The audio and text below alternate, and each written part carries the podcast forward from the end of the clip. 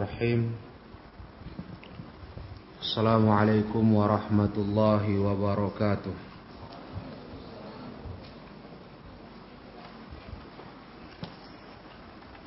الحمد لله رب العالمين وبه نستعين على أمور الدنيا والدين أشهد أن لا إله إلا الله وحده لا شريك له واشهد ان محمدا عبده ورسوله قال الله تعالى في كتابه الكريم يا ايها الذين امنوا اتقوا الله حق تقاته ولا تموتن الا وانتم مسلمون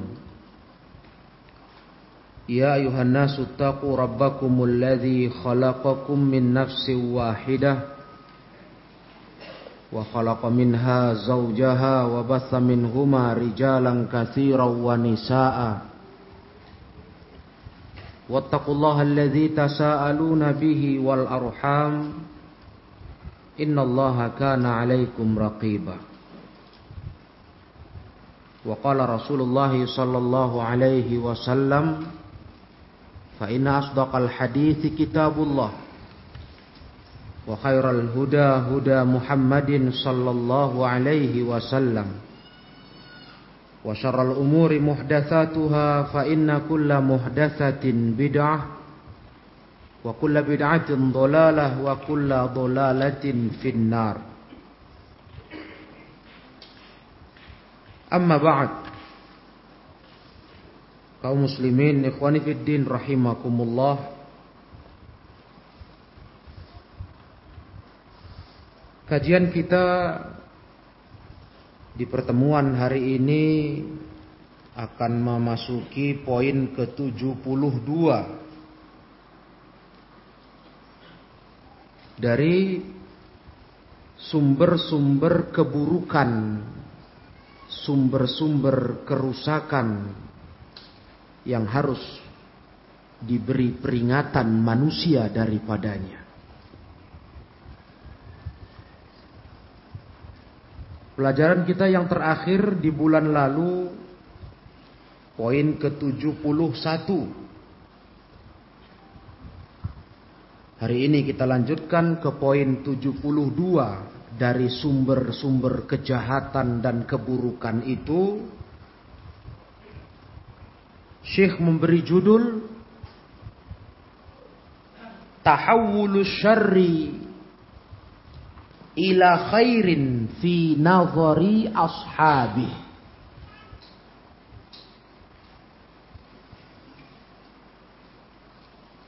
Berberubahnya berpindahnya. Penilaian sebuah keburukan jadi dianggap sebagai kebaikan menurut pandangan si pelakunya. Satu hal yang buruk mungkin diyakini sekian lama oleh seseorang. Tiba-tiba dia berubah dalam menilai yang buruk itu. Dia anggap itu kebaikan. Bisa para ikhwah bayangkan betapa rusaknya penilaian tersebut.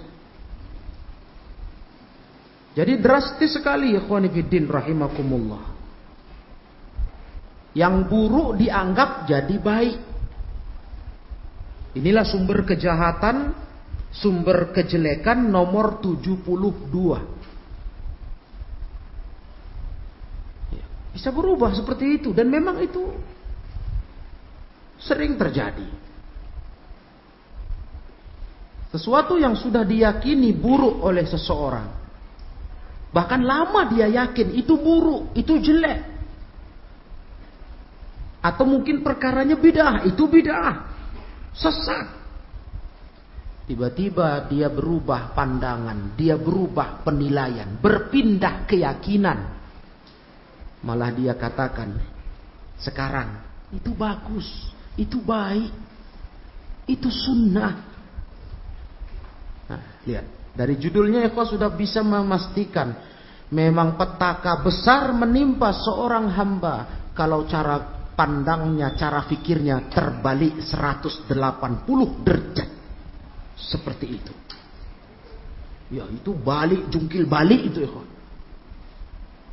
Nauzubillah. Drastis. I'lam akhil muslim.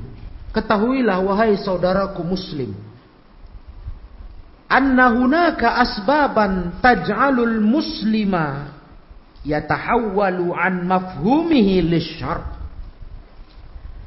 Ada sebab-sebab, beliau langsung saja membicarakan sebab terjadinya apa yang beliau terangkan di judul tadi. Kenapa bisa berubah sedemikian rupa orang itu? Sebab-sebabnya ada, kata beliau. Yang menjadikan muslim itu berubah dari pemahamannya, dari cara pandangnya terhadap keburukan. Kok bisa berubah begitu? Memang itu yang kita butuhkan ikhwah. Kita yang kita butuhkan sekarang siapa yang begitu? Enggak, enggak itu yang kita butuhkan. Yang kita butuhkan apa? Kita cari tahu kenapa bisa begitu. Kita ingin hindari sebab itu. Karena kita tidak berani menjamin diri kita, kita pasti selamat. Pasti aman. Tidak berani. Itu makanya orang hidup, para jemaah yang saya cintai. Orang hidup tuh belum aman dari fitnah. Al-hayyu la tu'man alaihi fitnah. Orang hidup tidak dirasa aman tertimpa fitnah. Karena kita masih berjalan, proses hidup kita berjalan. Kemungkinan perubahan itu ada. Makanya ulama nasihatkan kepada kita, jangan pernah puas diri, jangan pernah merasa sudah cukup baik hidup ini. Karena kita belum final. Innamal a'malu bil khawatim kata Rasulullah. Amalan itu penentunya penutup umur. Kalau belum mati kita, belum positif husnul khatimah, jangan berhenti menjaga diri, menjaga iman. Jangan berpu berpuas diri terus merasa saya sudah di jalur aman. Ini drastis ya, berubah. Dulu bilang bidah, ini bidah, kelompok bidah sekarang dia di situ. Bayangkan itu. Dia gabung dengan itu. Nauzubillah. Dulu luar biasa, mantap. Sedihnya lagi, dia ditipu oleh syaitan. Dikesankan oleh syaitan, ah, inilah hasil perkembangan ilmumu. Jadi kau sadar, sekarang kau tahu itu bid'ah. Bukan bid'ah ternyata. Itu sesat. Bukan sesat ternyata. Dihibur syaitan. Dihiasi syaitan jiwanya. Seakan-akan inilah perkembangan ilmu saya. La awla wa la quwata illa billah. Maka mari kita lihat para jemaah rahimakumullah. Sebab-sebab yang membuat seseorang itu berubah. Berpindah keyakinan dalam memandang keburukan. Dia nilai itu kebaikan. Padahal itu keburukan. Dia meyakini itu keburukan dengan ilmu, dengan dalil. Malah sekarang kok dibilang itu kebaikan. Sebabnya sebagai berikut. Wa adzkuru ba'dan min hadhi kata Syekh. Aku akan sebutkan sebagian sebab itu. Yang pertama, tazyinu syaitanil asyarra li ashabi hatta yarauhu khairan. Sebab pertama, itu kerja setan. Tazyin. Setan menghias-hiasi keburukan itu di depan mata pelakunya sampai dia memandangnya seakan itu kebaikan. Syaitan yang memolesnya, ikhwah. Padahal itu busuk itu jelek. Dipoles syaitan dikesankan baik. Dan itu butuh proses. Butuh proses itu. Nggak spontan. Butuh proses. Salah satunya yang perlu saya ingatkan agar tidak terlupakan ikhwan. Itu hikmahnya ulama melarang kita hati-hati duduk dengan kawan. Karena pengaruh dari kawan buruk itu dahsyat. Mungkin di awal dari kawan buruk itu kita menemukan kerusakan di prakteknya, kesesatan dalam ucapannya, kita menolak. Ah, kamu nggak betul, kamu buat keburukan. Tapi terus menerus dipoles-poles syaitan. Terbiasa kita dengan cakap buruknya, bahkan perbuatan jeleknya. Lama-lama kita akan ikut-ikutan berbuat keburukan tersebut. Itu jeleknya kurona usuk kawan duduk yang jelek. Hati-hati bergaul ikhwah, hati-hati cari kawan dekat. Gak terasa dia, dia prosesnya pelan. Seoton menggunakan orang itu untuk merusak pemikiran kita. Kita kira sekedar wacana kadang-kadang. Kan itu sering hari ini kuah. Sadarilah itu. Ah, sekedar masuk kanan keluar kiri menurut kita. Biar ada informasi, biar nggak ketinggalan pergaulan, nggak ketinggalan berita, nggak tahu menempel, sisa nggak tembus begitu saja. Tinggal di otak kita. Seoton hias-hiasi yang buruk itu lama-lama jadi baik. Maka Nabi keras betul permisal, mem mempermisalkan contoh kawan duduk yang buruk. Ibarat kita duduk dengan tukang besi, ya kan? Tukang besi yang sedang bekerja, kita duduk di sebelahnya. Ada untungnya, yang ada rugi. Bisa kena kita percikan besi itu yang begitu panas merusak tubuh, pakaian, bisa hanya bisa pula sekedar hanya kita dirugikan dengan baunya karena namanya bakaran besi tidak wangi. Gak ada untungnya. Itu Nabi ingin gambarkan kita di hadis yang sudah pernah kita kaji. Hati-hati ikhwah. Jangan perasaan kita bisa menyaring, bisa mengkonter pemikiran-pemikirannya. Ah, saya bisa memilih lah nanti pokoknya. Gak bisa. Hati-hati.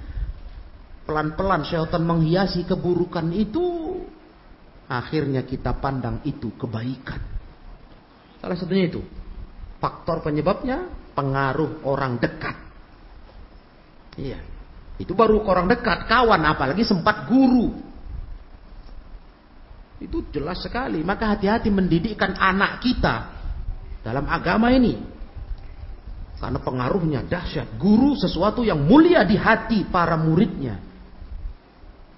Ketika mereka sudah mulia di hati muridnya dan ternyata ada yang buruk dilakukannya, ada yang jelek diajarkannya, sesat. Dia akan poles itu kebaikan karena dia meyakininya. Dan itulah yang akan menempel di benak anak-anak kaum muslimin. Yang belajar darinya. Rawan para ikhwah rahimahumullah. Ini kerja syaitan. Buktinya Allah Ta'ala berfirman, وَزَيَّنَ لَهُمُ الشَّيْطَانُ وَأَعْمَالَهُمْ فَصَدَّهُمْ عَنِ السَّبِيلِ فَهُمْ لَا يَهْتَدُونَ Allah berfirman di dalam Al-Quran, surah An-Naml, ayat ke-24, kata Allah, dan syaitan menghias-hiasi amalan mereka. Yang buruk itu dipoles-poles jadi benar. Akhirnya fasaddahum anis sabil, syaitan memalingkan mereka dari jalan yang lurus. Harusnya mereka lempang jalannya. Terakhir terbelokkan dari jalan yang lurus, fahum la yahtadun. Mereka tidak dapat petunjuk. Enggak spontan ya, sadarlah. Enggak spontan, enggak mesti langsung kita dirubah.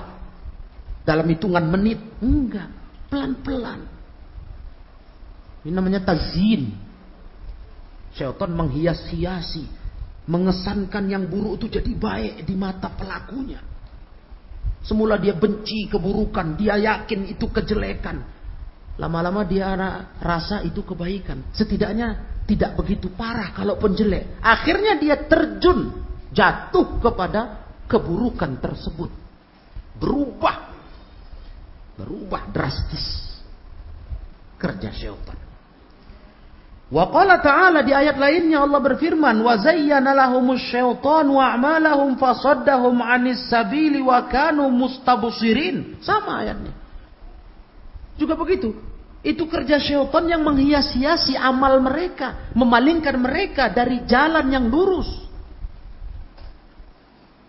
Ini kerja syaitan ya kawan. Dia nggak berhenti. Maka jangan pernah merasa aman hidup ini. Dia nggak berhenti. Kalau belum kita mati, dia akan bekerja terus, berusaha memalingkan kita dari siratal mustaqim, jalan yang lurus. Demikian surah Al-Ankabut ayat ke-38. Dua ayat menunjukkan ini kerja setan. Setan itu kan ada dua. Syayatinul insi wal jinni. Setan dari jenis manusia, setan dari jenis jin. Setan dari jenis jin dan manusia. Itu terus berusaha menyesatkan anak Adam dari jalan Allah. Dan itu sumpahnya kepada Allah ketika Allah memutuskan untuk mengusirnya dari surga. Kerja terus dia.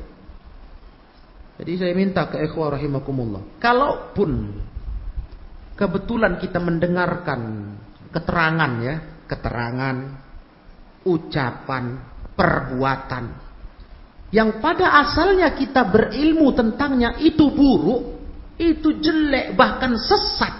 Kok sekarang kita dengar kayaknya itu baik? Jangan gampang percaya, tapi cek lebih lanjut, lebih mendalam dengan ilmu.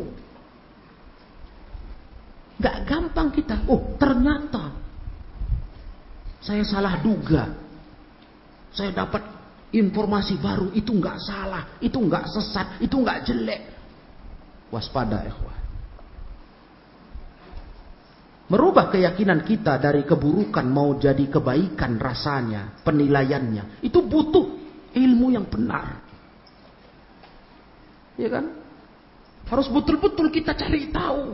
Karena kita tahu itu bid'ah misalnya. Itu keburukan, maksiat, jelek, sesat. Kalau ada sekarang orang bilang itu nggak apa-apa, itu bagus, wah itu kita betul-betul waspada. Kita nggak menutup diri untuk menerima keterangan-keterangan ilmu. Karena kita bukanlah orang yang dididik ulama merasa sudah paling benar, bukan. Tapi kita betul-betul jeli teliti. Karena ini masalah yang terkait dengan agama. Resikonya sampai ke akhirat di hadapan Allah. Beda dengan resiko dunia. Beda ikhwah. Kerugiannya gak seberapa kalaupun kita salah pilih produk dunia ini. Ya, yang dulu kita yakin ini nggak bagus, sekarang orang bilang kok bagus, tergoda, dibeli, dipakai, betul nggak bagus? Nggak seberapa ruginya. Tapi agama dibawa sampai mati kerugiannya. Kalau kita ternyata meyakini yang salah. Nah, itu itu sikap adil kita. Bukan kita dikatakan orang yang menutup diri dari keterangan kalaupun ada keterangan datang. Tapi kita hati-hati, apalagi menyangkut perkara kebidaahan. Itu perkara besar. Ya. Itu nggak bisa asal-asal untuk kita berubah cara pandang, cara keyakinan hanya karena ocehan satu dua orang saja. Tidak bisa. Hanya karena di debat satu dua orang saja. Kita perlu pendalaman lebih lanjut. Banyak bertanya kepada orang yang lebih ahli. Itu sikap dewasa orang yang ingin menyelamatkan agamanya.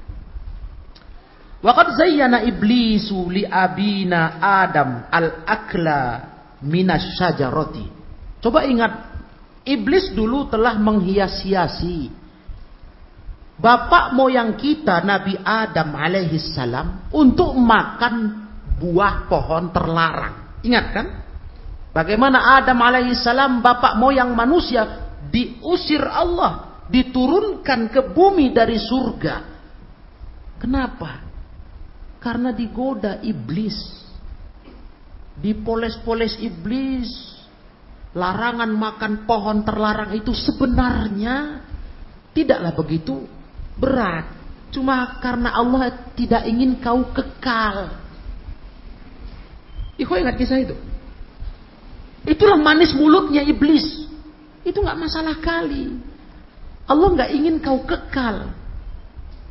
Nggak pantas kau kekal. Cuma itu. Itu di antaranya godaan iblis. Jadi nggak masalah makan pohon itu. Dimakanlah Nabi Adam alaihi salam. Nah, ini kerja iblis ya Satu hal yang sudah dilarang Allah dengan tegasnya bisanya dilanggar oleh Nabiullah Adam alaihi salam dengan takdir Allah gara-gara godaan iblis, manis cakap iblis, tipu daya iblis, hatta tasabbaba fi ikhraji sampai itu jadi sebab Nabi Nabiullah Adam keluar dari surga diturunkan ke bumi oleh Allah Ta'ala. Ini pengalaman kita, hati-hati. Iblis tuh nggak mati-mati sampai kiamat tiba. Dan dia bekerja terus mau nyesatkan kita. Nah, maka ilmulah obatnya ya ilmu. Dengan keilmuan agama, insya Allah kita bisa membentengi diri dari tipu dayanya, dari polesan-polesan yang dilakukannya. Ya, kalau tanpa ilmu kita nggak akan mampu. Karena dia begitu pengalaman ya. Iblis itu pengalaman yang luar biasa. Ilmu menggodanya tingkat tinggi, puncak segala ilmu menggoda manusia karena dia menghadapi segala jenis manusia. Dari bapak moyang kita Adam alaihissalam salam dia sudah menemui, menjumpai, mendapati seluruh tipe manusia. Dari para nabi, siddiqin, salihin, syuhada. Semua. Sampai tingkat manusia-manusia rendahan. Orang-orang paling kafir. Fir'aun dan sebagainya. Dia temui. Bayangkan nih kok yang kita hadapi. Iblis. Makanya hidup ini hati-hati betul. Jangan sampai salah jalan. Jangan sampai berubah. Kita belum final. Jangan ada yang merasa aman di hidup ini. Waqad aksama iblis annahu saya'idu dzurriyyata Adam illa al-mukhlasina an tariqi an tariqi tazyini syarri lahum. Iblis pernah bersumpah kepada Allah. Dia akan sesatkan anak Adam. Itu sumpahnya. Akan kupalingkan mereka dari jalan yang lurus. Dia bersumpah kepada Allah tabaraka wa taala. Dengan cara itu, tazyin. Itu sumpah. Tekad iblis Kecuali orang yang ikhlas dari hamba Allah. Dia bersumpah untuk sesat semua kubuat. Kalau yang ikhlas dia nggak sanggup. Dia ingin manusia ini berpaling tergelincir dari jalan yang lurus. Dia gunakan metode tazin. Nah ini dia. Moles-moles yang jelek jadi baik. Itu kerjanya. Manis cakap dalam menggoda. Gak apa-apa. Nah, ini nggak berat salahnya kalaupun dia susah meyakinkan itu baik. Paling nggak dibuatnya di mata kita nggak berat salahnya. Dibanding yang ini kesalahan ini ini nggak masalah. Tuh lihat. Dahsyatnya tipu daya iblis, maka dia bersumpah kepada Allah, "Rabbi bima aghwaytani la uzayyinanna lahum fil ardi." Wahai Rabbku, dengan apa yang engkau telah sesatkan aku, Aku akan melakukan tazyin atas manusia di muka bumi. La uzayyinanna lahum fil ardi. Akan kuhias-hiasi yang buruk itu baik kepada manusia di bumi nanti. Dan itulah yang terus sekarang sampai hari ini hingga kiamat dia kerjakan. Nah, makanya kalau nggak hati-hati dalam perjalanan hidup ini susah kita mempertahankan keistiqomahan ini. Berat. Iya. Berat mempertahankan istiqomah di atas kebenaran. Karena godaan untuk berpaling berbelok itu gencar dari syaitan. Al-Quran surah Al-Hijr ayat 39. Kemudian poin kedua, sebab kedua. Berubahnya seseorang memandang keburukan jadi dianggap itu kebaikan. Zinatud dunya fahiyatu ghirru ashabaha. Itulah dia perhiasan dunia. Godaan indahnya dunia yang menipu pelakunya. Faktor dunia lagi. Ah, ini kita. Bisa yang buruk dianggap baik. Rupanya masalah dorongannya dunia. Itu yang dikejar. Awas, fitnah dunia. Ittaqud dunia, kata Rasul. Hei kaum muslimin takutlah kalian dari dunia. Dunia ini menipu. Kehidupannya menipu. Mata'ul ghurur. Menipu kata Allah. Itu Al-Quran kan? Mata'ul ghurur kata Allah. Kehidupannya menipu. Kesenangannya menipu. Ternyata yang kedua sebab seseorang berubah memandang keburukan dianggap jadi kebaikan. Perhiasan dunia. Allah berfirman, "Inna ja'alna ma'alal ardi zinatan laha linabluwahum ayyuhum ahsanu amala." Sesungguhnya kami menjadikan apa yang ada di bumi menjadi sebuah perhiasan bagi bumi. Tujuannya, lihat, tujuan Allah menjadikan bumi ini indah di mata kita. Siapa yang enggak memandang bumi ini indah? Kesenangannya indah. Semua kita menginginkannya, mengangan-angankannya, merencanakan untuk meraihnya. Hakata. Kalau nengok bumi ini kita sangat suka. Ternyata Allah buat itu bukan tanpa maksud ikhwan. Allah terangkan tujuannya. Kata Allah lina beluahum ayyuhum ahsanu amala. Untuk kami uji manusia. Siapa amal yang paling terbaiknya. Kita lupa. Dunia ini untuk menguji amal kita. Yang ada kita malah berlomba-lomba mengejarnya sampai yang buruk pun kita rubah cara pandang kita, kita anggap itu baik. Demi dunia yang indah ini. Nah, itulah masalah kita sekarang. Kita bisa berubah begitu dibuatnya. Dahsyatnya godaan dunia itu. Padahal harusnya kita sadar. Ini dunia yang memang penuh perhiasan. Bagaimana nggak nggak indah? Sampai Allah Rasulullah membahasakan dunia ini apa? Hulwatun khadirah, manis hijau. Itu kan Nabi yang membahasakannya. Ad-dunya hulwatun khadirah, dunia itu manis hijau. Sedap dirasa, enak dipandang. Indah. Sadarlah kita yang sudah dapat ilmu. Keindahan dunia ini bukan untuk kita tertipu tapi untuk kita menjadikan amal kita lebih baik. Karena ini ujian Allah. Lina beluahum. Kami uji mereka dengan perhiasan dunia. Ayyuhum ahsanu amala. Siapa di antara mereka yang paling baik beramalnya? Untuk menguji amal kita para ikhwan. Makanya tertipulah orang yang karena dunia meninggalkan agamanya. Tertipu habis dia. Hah? Nanti menyesal. Ternyata yang dikejar itu nggak dibawa mati. Nggak ada. Rugi.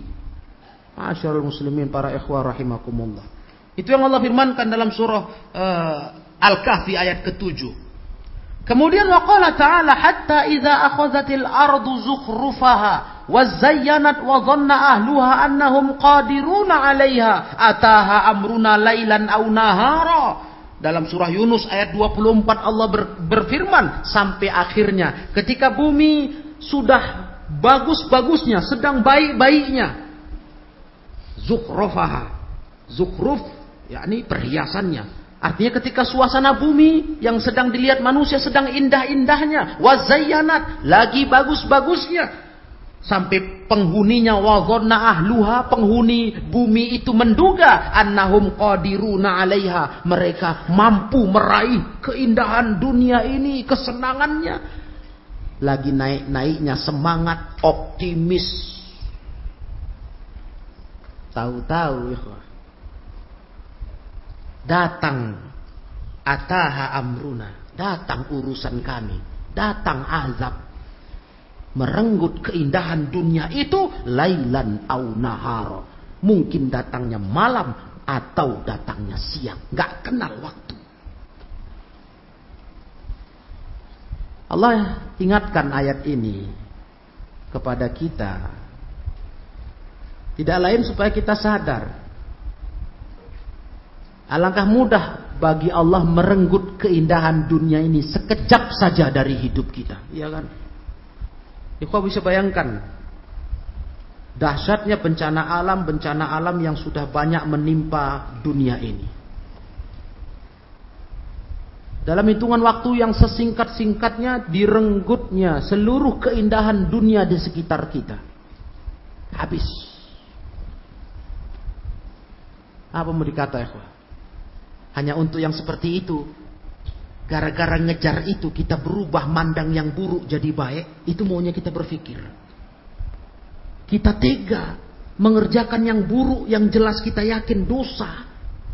Gara-gara ngejar yang begitu, yang bisa direnggut Allah sekejap saja di hidup kita. Jangan untuk merenggut keindahan dunia yang sudah kita punya, yang sudah kita peluk, kita rangkul. Bahkan untuk merenggut kesenangan dunia manusia seisi alam, sekejap saja Allah lakukan. Sampai puncaknya lihat ketika ditiupkan sangkakala. Ketika awal terjadi kiamat, coba. Begitu ditiup oleh malaikat peniup sangkakala, bumi ini hancur runtuh, habis semuanya. Gunung seperti debu berterbangan hilang, nggak ada lagi indah dunia, lenyap. Sekejap aja itu ya Tiupan pertama mematikan manusia, membangkit, e, mematikan manusia. Tiupan kedua menghancurkan alam semesta. La ilaha illallah. Jadi ikhwan fiddin, untuk yang begitu, yang semudah itu hancurnya, kita sanggup merubah cara pandang hidup yang buruk kita bilang benar, yang kita dulu benci mengerjakan sekarang kita kerjakan. Nah, ini ayat ini mengingatkan kita akan hal itu. Perhiasan dunia memang betul indah, kita nggak mungkir, tidak tidak memungkiri. Tidak pura-pura kita. Kita sadar, semua kita yakin kita suka dunia. Senang tapi janganlah hanya urusan karena mau kesenangan dunia yang secuil ini, yang sedemikian rupa gampang direnggut Allah ini, kita kerjakan yang buruk, kita pandang yang buruk jadi baik. Kita sah-sahkan saja yang buruk itu, yang jelek itu untuk dilanggar. Alah sudahlah nggak apa-apa itu. Saya butuh ini, saya butuh ini, saya butuh ini, saya mau ini. Ah, inilah ngerinya. Makanya kata Rasulullah, bukan miskin yang kutakutkan kata Rasul. Malah Rasul takut kita ini mudah cari dunia. Kalau sudah dibuka pintu dunia ini, kita membabi buta, geragas, rakus, lupa agama. Jadi bukan miskin yang Nabi takutkan bagi umat ini. Mal fakru akhsha alaikum. Bukan miskin kutakutkan menimpa umat ini. Iya. Karena tipu daya dunia lah yang ditakutkan para ikhwah oleh Rasulullah alaihi wasallam, merusak generasi manusia. Sebagaimana generasi dulu sudah rusak. Nabi takut umat ini pun dihancurkan oleh dunia dengan segala keindahannya. Nah, itu yang kedua ikhwan fillah, faktor dunia. Maka ketika datang faktor dunia dalam hidup kita ini hati-hati. Mengajak kita untuk mengerjakan keburukan yang kita yakin itu buruk jadi mau dianggap baik. Awas sadar ilmu ini. Ah ini tipu daya syaitan ini. Ini kerja syaitan. Ini penyebab seseorang rusak sesat dari jalan yang lurus. Tinggalkan. Berikutnya yang ketiga, ma'alaihi ahlu taraf minal malazid dunyawi. Penyebab ketiga, apa yang ada pada orang-orang yang penuh dengan taraf, kemewahan. Dari kelezatan dunia. Ini untuk orang yang sudah meraih dunianya. Yang ketiga ini, orang yang sudah dibukakan Allah pintu dunia. Sudah merenggut dunia. Dia dapat. Nah ini dia. Malazid dunyawi. Orang-orang yang hidupnya taraf. Ahlu taraf. Orang mewah. Kata Allah Ta'ala, "Fala tu'jibka fala tu'jibka amwaluhum wala auladuhum, innama yuridu Allah liyu'adzibahum biha fil hayatid dunya." Tuh, wah. Allah nasihatkan kepada kita, jangan mengagumkan kamu, kata Allah ke Rasulullah wasallam. Jangan bikin kagum kamu harta mereka, jangan pula anak turunan mereka. Siapa mereka itu? Orang-orang yang terfitnah dunia dari orang kufar, orang ahli maksiat. Jangan kamu kagum nengok mereka, nengok harta mereka, melihat anak-anak kehidupan mereka. Jangan bikin kagum kamu, kata Allah. Karena innama yuridullah liyu'adzibahum biha fil hayatid dunya. Allah inginkan dengan itu semua untuk mengazab mereka di kehidupan dunia. Apa namanya ikhwah? Istidraj. Nah, di sinilah kita sadar. Kita sering ya, Bahkan teramat sering mungkin. Kagum-kagum kalau lihat orang banyak harta, ya. Bahkan orang hina rendah sekalipun, ahlul maksiyah, asal berduit, berharta, naik, naik derajatnya di mata manusia. Dielukan, dibanggakan, jadi bahan perbincangan. Kenapa? Gara-gara kaya. Orang berharta, tenar, Allah sudah tegur kita, jangan bikin kagum kamu soal harta mereka itu.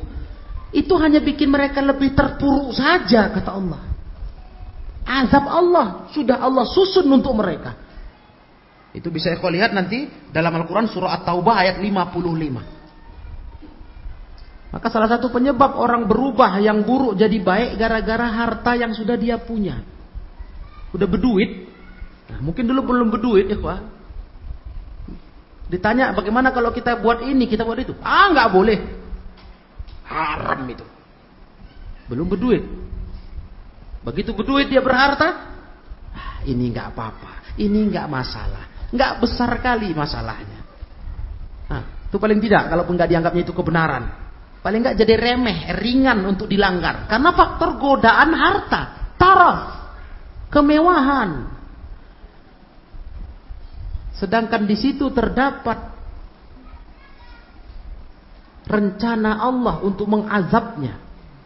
Istidras, istilah diulur oleh Allah. Untuk nanti makin tinggi dijatuhkan pada saatnya, sakit betul. Nauzubillah. Demikian pula firman Allah wala tamuddanna ainaika ila ma matta'na bihi azwajam minhum zahratal hayatid dunya linaftinahum fi.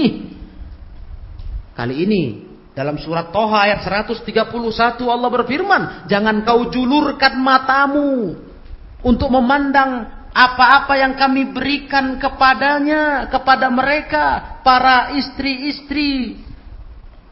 Iya Diberi mereka kesenangan-kesenangan, kecukupan hidup, kemapanan. Jangan kau pandang matamu ke mereka, kata Allah. Kenapa? Itu semua zahrotal hayatid dunia. Itu semua bunga-bunga hidup dunia saja. Namanya lah bunga-bunga. Mana pula mekar selalu. Ada saatnya layu. Dan itu semua tujuannya linaftinahum fi, kami mau uji mereka. Nah, makanya ikhwanifiddin, nasihat Rasul kalau mau nengok kehidupan, lihat orang di bawah. Biar syukur kita, biar tidak jadi orang yang tergila-gila dunia, nggak ada cukup-cukupnya yang sudah ada. Biar aja orang berkata, kalau cara pandang begitu kapan majunya? Itulah yang maju namanya. Orang bersyukur itu orang yang paling maju. karena ada banyak yang anti malah ikhwanifiddin. Cara pikir begitu. Wah, kalau gitu kita mandang kapan majunya, kapan kayanya. Itulah yang kaya. Siapa yang kaya dalam hidup ini? Apa orang berharta banyak? Enggak. Enggak. Orang yang syukurlah yang kaya. Kalau nggak ada syukur, harta berapapun nggak akan terasa cukup. Dan itu orang miskin. Orang nggak ada cukup-cukupnya, gelisah terus kekurangan. Nabi berpesan di hadis sahih, "Undur ila man dunak." Lihat orang di bawahmu. Wala tanzur man huwa fauqaka. Jangan suka menoleh orang di atasmu. Jangan, ikhwah. Asih nyenterin orang kaya dari kita. Dia punya apa, saya apa. Itu membuat kita nantinya lupa diri. Akhirnya kita berlomba-lomba ingin mengejarnya. Kita kira di situlah kebahagiaan hidup. Akhirat nomor dua. Nanti dibuat rencana, dikotakkan itu istilahnya. Nanti masanya ada itu. Masya Allah. Padahal Allah telah larang kita. Jangan kau julurkan matamu kepada kesenangan yang kami berikan ke mereka itu. Itu cuma bunga kehidupan dunia untuk menguji mereka. Lihat Buka Al-Quran tadi surah Toha ayat 131. Apalah nikmatnya hidup ikhwah. Coba jujur kalau nggak ada rasa syukur. Yang ada gelisah karena tiap harta bertambah makin rakus makin gelisah. Coba kalau sekian dikali dua kali tiga, oh, kan begitu? Jadi yang udah ada saja pun yang banyak sekali sebenarnya dibanding orang yang nggak punya kita. Itu jadi sesuatu yang menyiksa kita.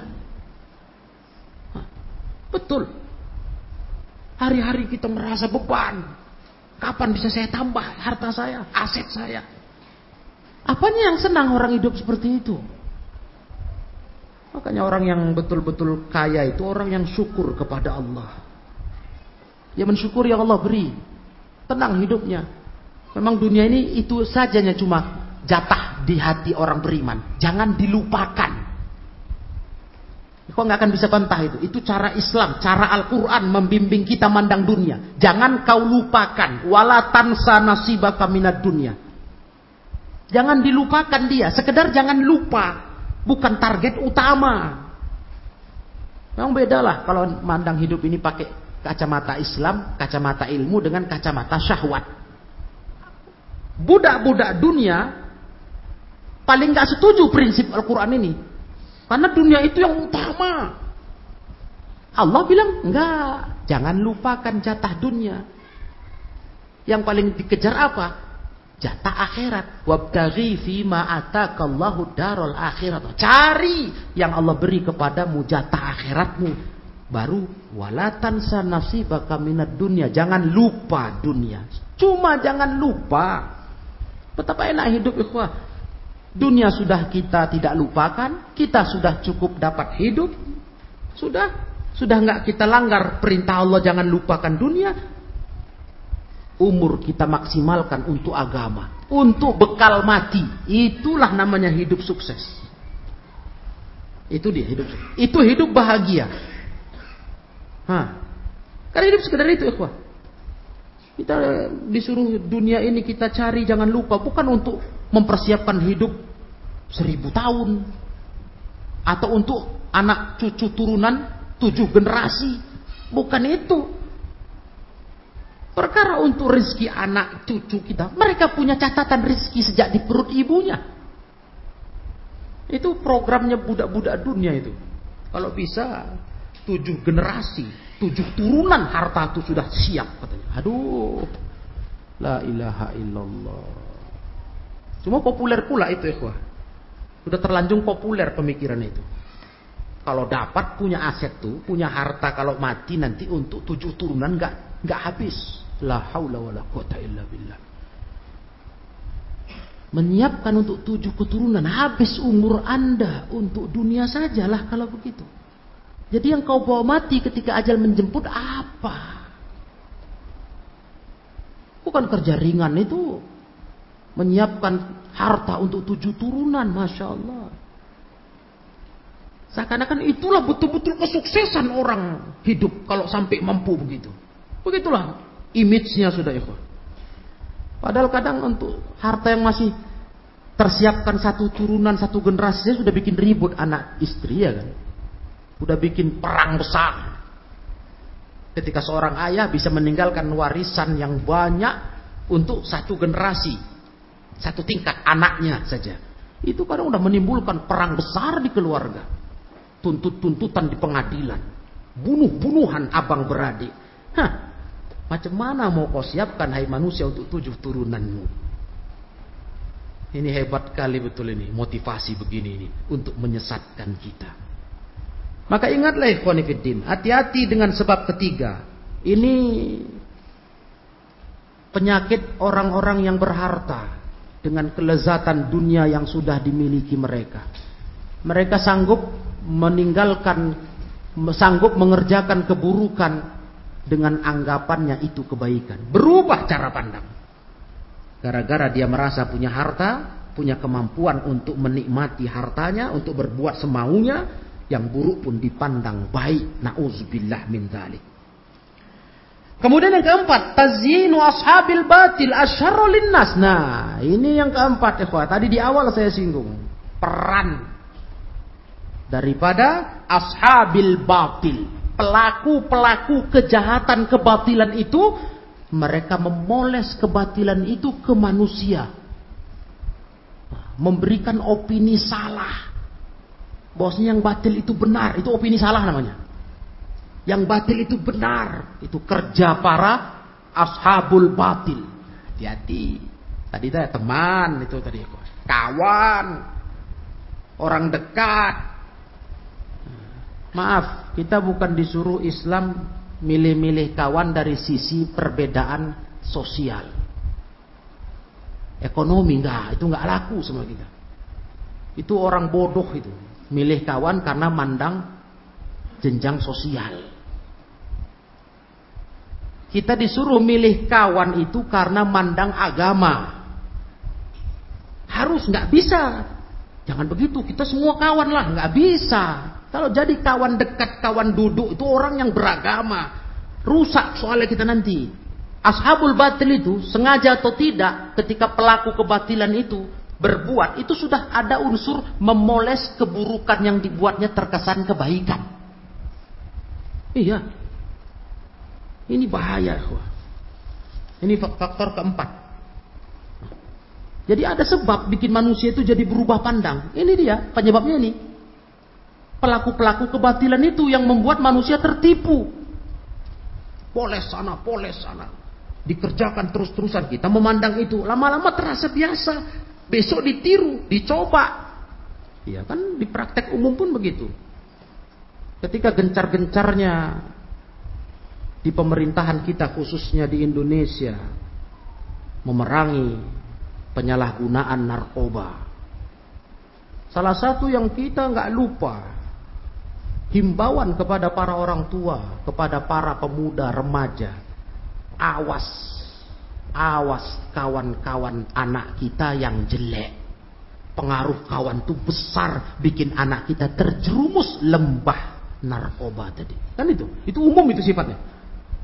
Di agama lebih dahsyat lagi ikhwah. Kenapa?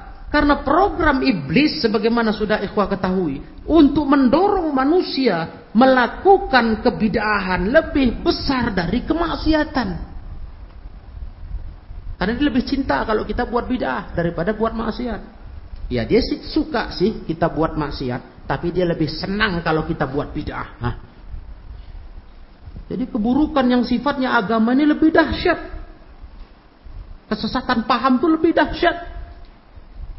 Awaslah itu. Dari orang dekat itulah kita rusak. Kawan ngobrol, kawan curhat. Yang udah pahamnya nggak bener. Hancur kita. Nauzubillah min talik. Ingat baik-baik itu. Ini nasihat ulama dari Al-Quran dan Sunnah. Allah Ta'ala berfirman. Lahum qurana'a fazayyanu lahum ma baina aydihim wa ma khalfahum. Ha. Lihat. Qayyadna lahum qurana'a.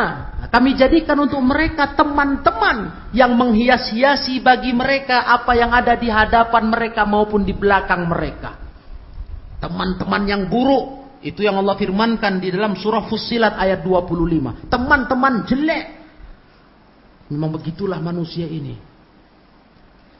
Sering orang berubah dari kebenaran jadi batil.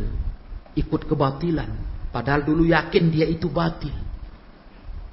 Sekarang dia ikut kebatilan. Dia anggapnya itu kebenaran. Yang benar ditinggalkan, yang batil dikerjakannya. Berubah cara penilaiannya. Itu faktor apa ya? Teman corona, su teman jelek. Teman jelek ini ya bisa dari kawan jalan, kawan bergaul, kawan ngobrol. Sampailah ikhwah. Nah, salah satu yang sekarang gencar-gencarnya yang nauzubillah, hati-hatilah kita. Salah satu sisi negatif teknologi ya, mudahnya mengakses segala jenis omongan manusia yang mengaku dia bicara agama. Ngoceh dia, ceramah katanya itu mudah diakses. Hati-hati. Ikhwah jangan ringan-ringan masalah ini. Nanti baling otak kita dibuatnya. Rusak. Itu makanya Nabi eh, makanya eh, Imam Ibnu Muhammad bin Sirin memesankan kepada kita, al-ilmu dinun. Nah, jadi jadi sadar kali kita melihat fenomena ini. Apa kata Muhammad bin Sirin? ilmu itu agama. Al-ilmu dinun fanzuru amman ta'khuduna dinakum. Maka lihat-lihatlah dari siapa kalian ambil agama kalian. Dari siapa kalian ambil ilmu kalian. Itu soal agama itu. Ilmu itu agama. Tengok-tengoklah dulu.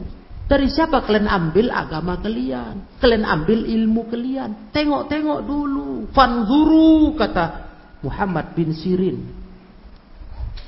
Tentu ikhwah tahu kita bisa rujuk ke mana ucapan itu ke kitab Muqaddimah Sahih Muslim. Dimuat itu ikhwah.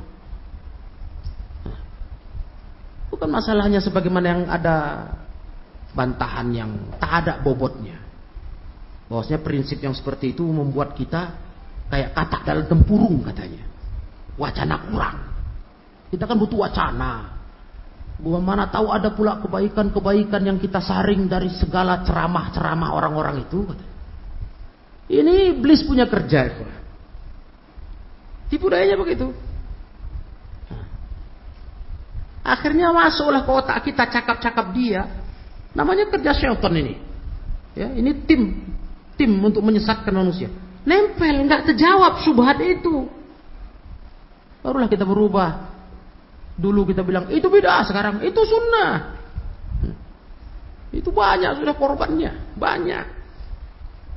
Masya Allah, mentah semua ilmu-ilmu yang sudah kokoh seperti gunung untuk menyatakan itu bidah, mentah. Masya Allah, mentah. Hanya gara-gara cuma dengarkan omongan-omongan seperti itu. Hah, langsung dia merasa, wah ini wacana ilmu. Allah bukakan ilmu untuk saya. Masya Allah. Hancurlah sudah pemahaman orang seperti itu. Ya begitulah ma'asyurul ikhwah rahimakumullah. Poin yang keempat. Andil para pelaku batil itu yang membuat orang berubah pandangan. Memandang yang buruk menjadi kebaikan.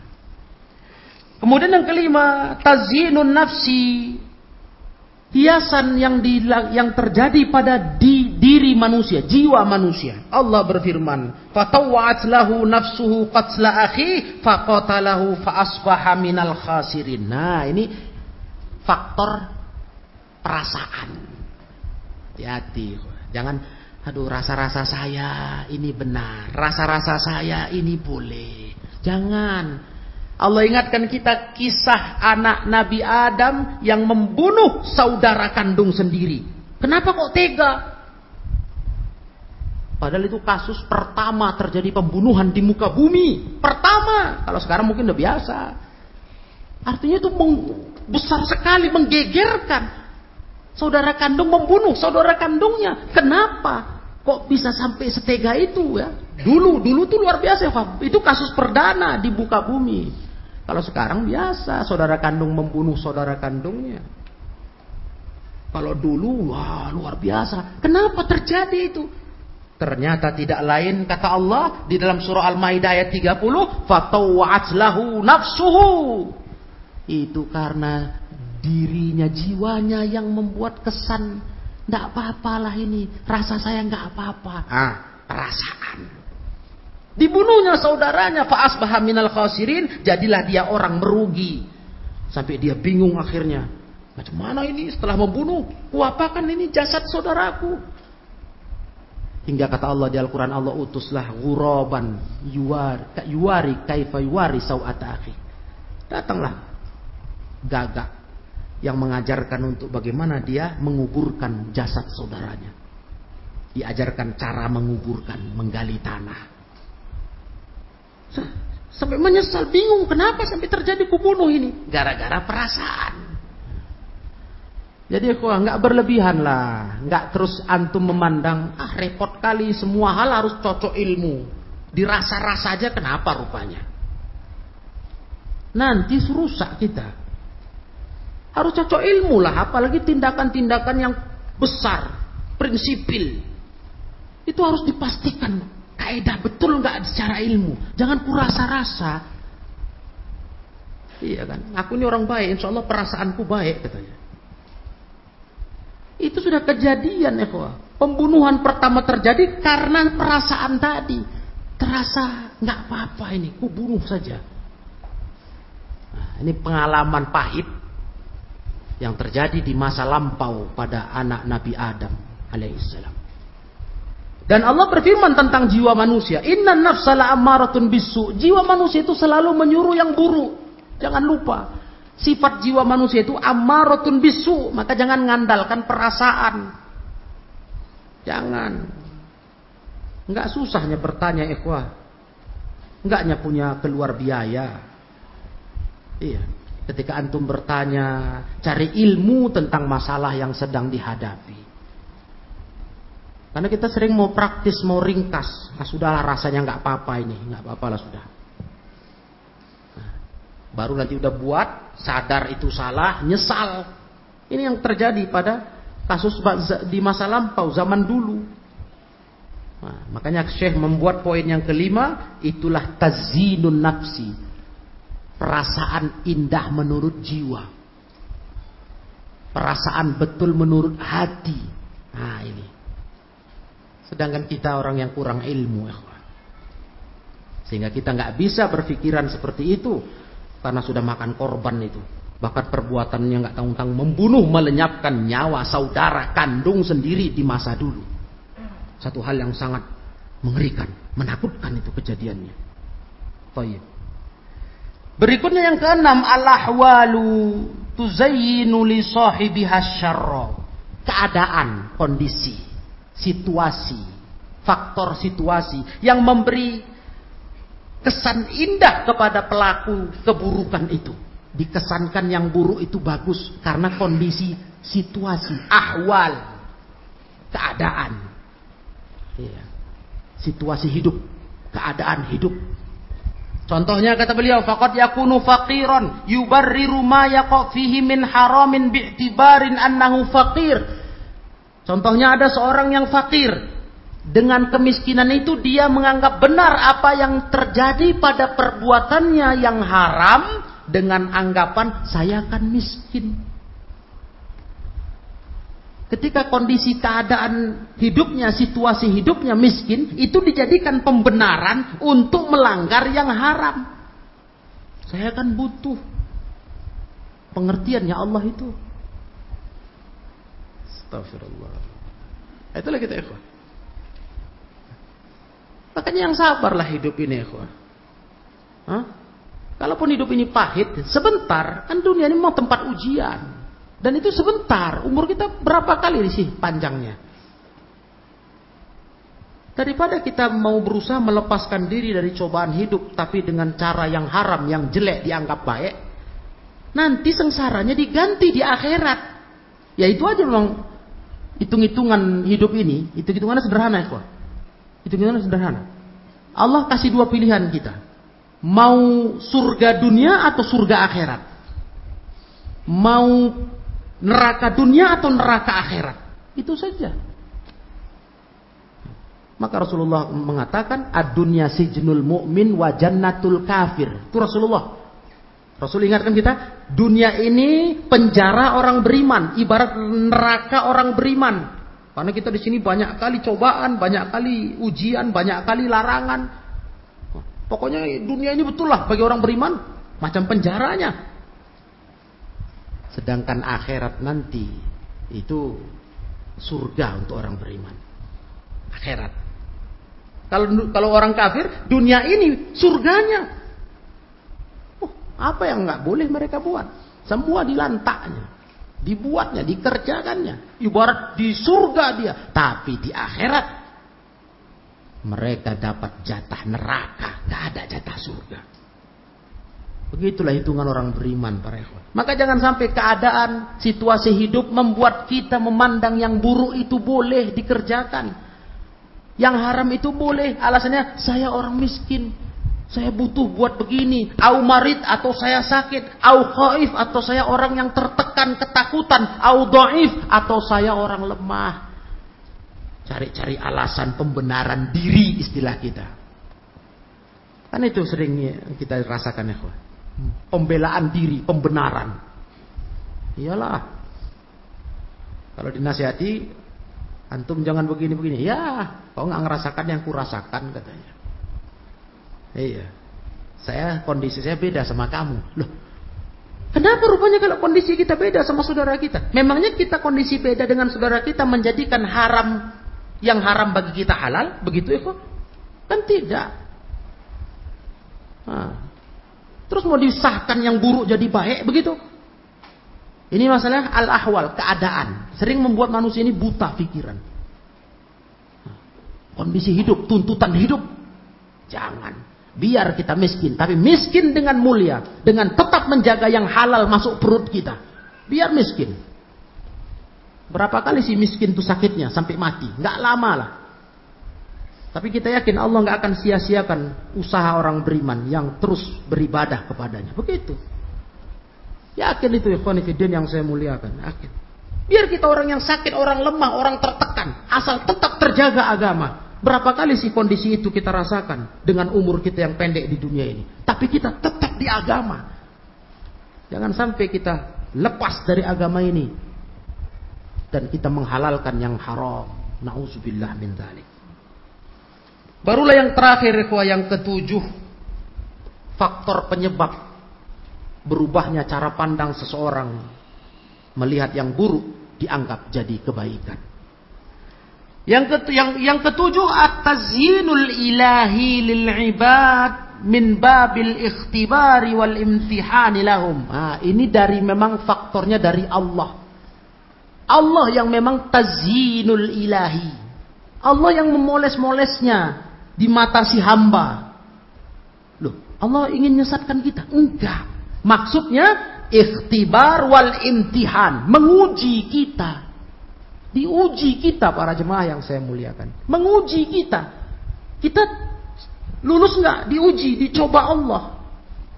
Jadi kalau kontrol nanti nggak ada faktor pertama, faktor kedua, sampai faktor keenam, berarti faktor ketujuh itu. Yang batil itu dipoles-poles seakan-akan jadi kebaikan, kebenaran. Itu dari Allah. Untuk ujian bagi hamba. Menguji ketahanan iman kita. Nah, itu dia, itu yang ketujuh. Poin terakhir. Dalilnya apa? Allah yang berfirman di dalam Al-Quran surah An-Naml ayat 4. Innal ladzina la yu'minuna bil akhirati zayyana lahum a'malahum. Orang sesungguhnya orang-orang yang tidak beriman kepada akhirat, kami hias-hiasi, kami kesankan indah amal mereka. Allah yang buat.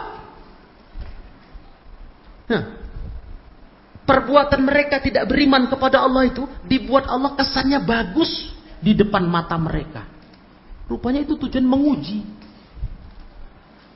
Nah, ini faktor ujian dari Allah. Jangan sampai kita lengah.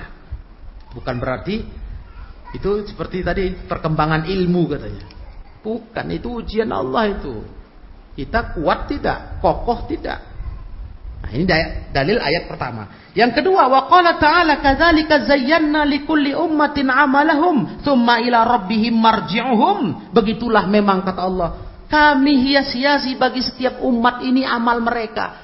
Dikesankan indah oleh Allah amal manusia ini. Padahal amalnya buruk. Makanya manusia ini kan kalau kita perhatikan beragam macam kan jenis tingkah lakunya. Pola hidupnya beda-beda. Itu masing-masing bisa-bisa memandang yang di jalannya sudah betul, sudah bagus. Itu rupanya ujian Allah. Makanya kita ikhwanifidin yang mulia, memang kuncinya satu lah. Senantiasa ilmu yang jadi hakim untuk ngukum, menghukumi sebuah perbuatan kita. Karena bisa jadi tanpa kita sadari yang sudah kita jalani, yang rasanya baik sebetulnya itu batil, itu ujian Allah. Maka untuk menimbangnya, mengukurnya, menakarnya pakai ilmu. Di situlah unggulnya ilmu. Ilmu itu menjagamu kata ulama. Kalau harta kau menjaganya. Itu unggulnya ilmu. Kalau kita berilmu makin tambah ikhwah. Dia menjaga kita. Dia dibenteng, membentengi kita. Jadi benteng di depan kita. Ilmu. Tapi kalau harta, kita yang membentenginya. Kita pening menjaganya. Takut dicuri orang, dicongkel orang. Pening kita. Makin mewah harta kita, makin pening jaganya. Ya, makin gelisah. Hah? Tapi kalau ilmu makin banyak kita punya, dia makin bentengi kita. Coba yang rasakan nanti ya. Makin berilmu, makin kuat benteng kita insya Allah. Nah begitulah ikhwah. Yang kedua ini ayat surah Al-An'am ayat 108. Wa subhanahu khaliqu kulli tazzinatil lati yakumu biha Adam. Allah lah yang menciptakan segala yang indah-indah. Yang terkesannya elok, bagus. Pada semua apa yang dikerjakan anak Adam. Maka saksikan juga ikhwah. Hari ini kita lihat. Bahkan yang jelas-jelas kita tahu, kita tahu itu dosa. Tapi pelakunya menganggap itu kebaikan. Bahkan berbangga dengan itu. Nah, kalau masalahnya menyangkut dunia lebih ringan, ini agama. Sebagai contoh yang sudah berlalu, tapi nggak pernah kita meninggalkan kewaspadaan akan fitnah ini, ketika kita melihat para pelaku bom-bom bunuh diri yang dengan ringannya membom bunuh orang hidup kaum muslimin umat manusia itu kan sadis sekali. Tidak berperi kemanusiaan namanya. Namun pelakunya berbangga hati. Pelakunya merasa itu perbuatan paling bangga dalam hidupnya. Paling istimewa. La ilaha illallah. Astagfirullah. Dibuat Allah kesannya indah di hati mereka perbuatan busuk itu. Nah ini ini yang kondisi-kondisi yang sudah berlalu. Bahkan kita tarik mundur lagi sampai kepada zaman dulu ketika pembunuh Khalifah Ali bin Abi Thalib radhiyallahu taala anhu, Khalifah Abdurrahman ibnu Muljam sudah membunuh itu dosa besar yang dibunuhnya adalah menantu Rasulullah, sepupu Rasulullah, khalifah Rasulullah. Kurang jahat keji apa perbuatannya? Ditangkap setelah membunuh Ali bin Abi Thalib. Ketika mau dieksekusi, dia dengan gembira, dengan senang berkata, "Tolong jangan bunuh aku sekali tebas." Tapi potong-potong tubuhku, mutilasi. Aku mau menikmati setiap lenyap anggota tubuhku dari tubuhku ini Aku mau menikmatinya karena ini semua terjadi karena aku telah membunuh Ali bin Abi Thalib. Coba ya, perbuatan sekeji-kejinya bisa jadi kebanggaan bagi pelakunya sampai dia ingin menikmati matinya karena membunuh itu. Minta tolong deh, jangan ditebas sekali potong leherku. Tolong potong dikit-dikit, cincang. Lagi hidup. Mau ku nikmati sakitnya, karena bangganya aku membunuh Ali bin Abi Thalib. Masya Allah. Masih kita ber, masih kita berkata lagi, mana mungkin ada orang terhadap kejelekan membanggakannya? Masih, masih menganggap remeh lagi, ikhwah. Nggak mungkin ada orang buat kejelekan, keburukan dia merasa indah itu. Oh, jangan tanya itu. Sudah terjadi dan terus terjadi. Sampai membunuh manusia semulia Ali bin Abi Thalib pun Pelakunya gembira, bangga dan merasa itu ibadahnya. Masya Allah. Kejinya perbuatan tersebut. Maka demikianlah ikhwanifidin yang mulia. Besarnya masalah poin ke-72. Menakutkannya kalau sudah cara penilaian orang berubah. Yang buruk dipandang baik. Itu selalu mungkin terjadi. Yang inti sama kita, apa yang beliau nasihatkan. Coba simak tujuh sebab ini. Faktor-faktor penyebab itu terjadi. Hindari faktor-faktor ini. Hindari faktor-faktor ini, tujuh poin ini. Agar kita sama-sama terlindungi dari segala kemungkinan-kemungkinan buruknya hidup. Berubahnya pandangan hidup ketika memandang keburukan berubah jadi kebaikan. Ini fatal akibatnya. Fatal. Karena kita akan jatuh kepada keburukan itu. Ya, Nah, mudah-mudahan para ikhwah ilmu ini bermanfaat untuk kita bersama. Kita menjadi hamba-hamba Allah yang selalu terjaga di atas kebaikan, istiqomah di atas kebaikan dengan terus kita berdoa kepada Allah, Allahumma arinal haqqa haqqa warzuqna tiba'ah. Ya Allah, tunjukkan kepada kami kebenaran itu kebenaran ya Allah. Tunjukkan terus kepada kami dan kasih kami rizki untuk bisa mengikuti kebenaran itu. Warinal batila batila warzuk najtinabah.